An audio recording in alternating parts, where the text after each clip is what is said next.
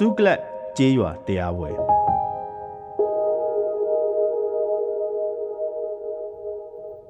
ဒေးရဲဆိုတာရန်ကုန်တိုင်းနဲ့အနီးကပ်ဆုံးမှာရှိတဲ့အေယာဝတီတိုင်းတွေကမြို့တစ်မြို့ပါရန်ကုန်ကနေကော်မှု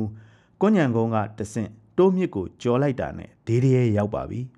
ကိုလိုနီခေတ်မှာကားလမ်းမပေါက်သေးတော့ဒေးရဲကိုတင်မောနဲ့တွားရတယ်ပေါ့1920ခုနှစ် မက်စလာအတွင်းမှာရန်ကုန်ကနေ DDS သို့ AR ရေချောင်းပို့ဆောင်ရေးပိုင်းဇင်ယုံအမည်ရှိသင်းမောဟာခုံမောင်းလို့ရောက်ရှိလာပါတယ်။ဇင်ယုံဟာရန်ကုန် DDS စမ်းသက်ပြေးဆွဲနေတဲ့သင်းမောဖြစ်ပြီး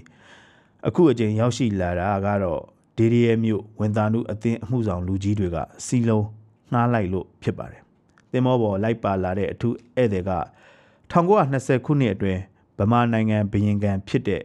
စာဂျီနယ်ကရက်တော့ကိုနိုင်ငံကထွက်သွားဖို့စာရေးတောင်းဆိုသူဥဥဒ္ဓမအရှင်သူမြတ်ပဲဖြစ်ပါတယ်။ဆရာတော်ဟာဒီဒီရဲ့မြို့နယ်ဝန်သားနုအသင်းရဲ့ပင့်လျှောက်ချက်အရာဝန်သားနုတရားဟောဖို့ကြွရောက်လာခြင်းဖြစ်ပါတယ်။ဆရာတော်နဲ့အတူဟိန္ဒူဘုန်းကြီးမဒန်ဂျစ်ပါဠိဆရာဆရာကြိုင်တို့လိုက်ပါလာပါတယ်။ဆရာတော်ကိုဒီဒီရဲ့စိတ်ကမ်းမှာပင်ဒီအင်ကြီးဝစ်ဆင်ထားတဲ့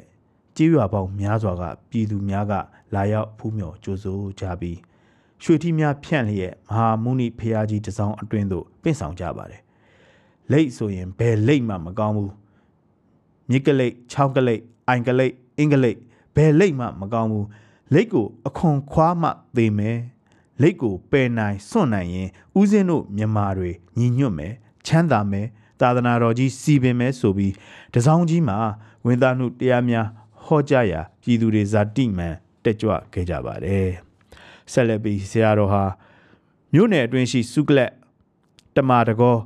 မယန်းထန်တော်ကြေးရွာတွေကိုဒေသခံတွေရဲ့ပင့်ဆောင်ချက်အရာလှည့်လည်တရားဟောခဲ့ပါတယ်စုကလက်ရွာကိုရောက်စင်မှာတရားပွဲတိုင်းလိုက်ပါတဲ့ပလိတ်စုံတော်အဖွဲ့လည်းရှိနေပါတယ်ဆရာတော်ကကြွလာသောပြိသက်များမကြံပလိတ်စုံတော်များကိုလည်းကျေးဇူးတင်ကြောင်းတရားပွဲမှာမေတ္တာပို့ပါတယ်စုကလက်ကြီးရွာတရားပွဲကိုရွာလေဓမ္မယုံမှာကျင်းပပါတယ်စုကလက်ဟာ အင်္ဂလိပ်ရုံးဆိုင်ရာဗိုလ်တဲဖွင့်ထားတဲ့အရက်ပါစုကလက်ရွာရွာလေဓမ္မယုံတရားပွဲကိုမယန်ထန်တော်ရှမ်းကန်တော်ချိုက်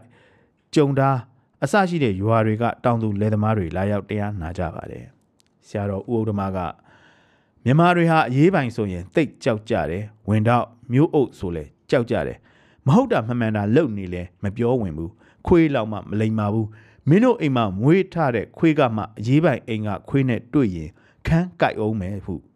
စုကလက်တရားပွဲမှာဟောကြားခဲ့တာနဲ့ပတ်သက်ပြီးဖျားပုံအရေးပိုင်ကအရေးပိုင်အားခွေးဖြင့်နှိုင်းသည်ဆိုကအစိုးရကိုအကြီးညိုပြက်စေတယ်ဆိုပြီးပုံမှန်1နှစ်၄ကနဲ့ဖန်စီတရားဆွဲပါတယ်ဆရာတော်ဖန်စီခံရတဲ့သတင်းကိုအဲ့ဒီခေတ်သတင်းစာတွေမှာအလေးပေးဖော်ပြကြပါတယ်ဆရာတော်အဖမ်းခံရပြီးနောက်တန်ခါတက်မကီအဖွဲ့တွေပေါ်ပေါက်လာပြီးနိုင်ငံရေးမျိုးစေ့တွေရှင်သန်ကြီးထွားခဲ့ပါတယ် အင်္ဂလိပ်အစိုးရကဆရာတော်ကိုထောင်တစ်နှစ်နဲ့ရှစ်လချမှတ်ခဲ့ပါတယ်မတရားအုပ်ချုပ်တဲ့သူတွေဟာတရားတဲ့ပြည်သူတွေကိုဖမ်းဆီးထောင်ချတာအစဉ်လာတစ်ခုပါ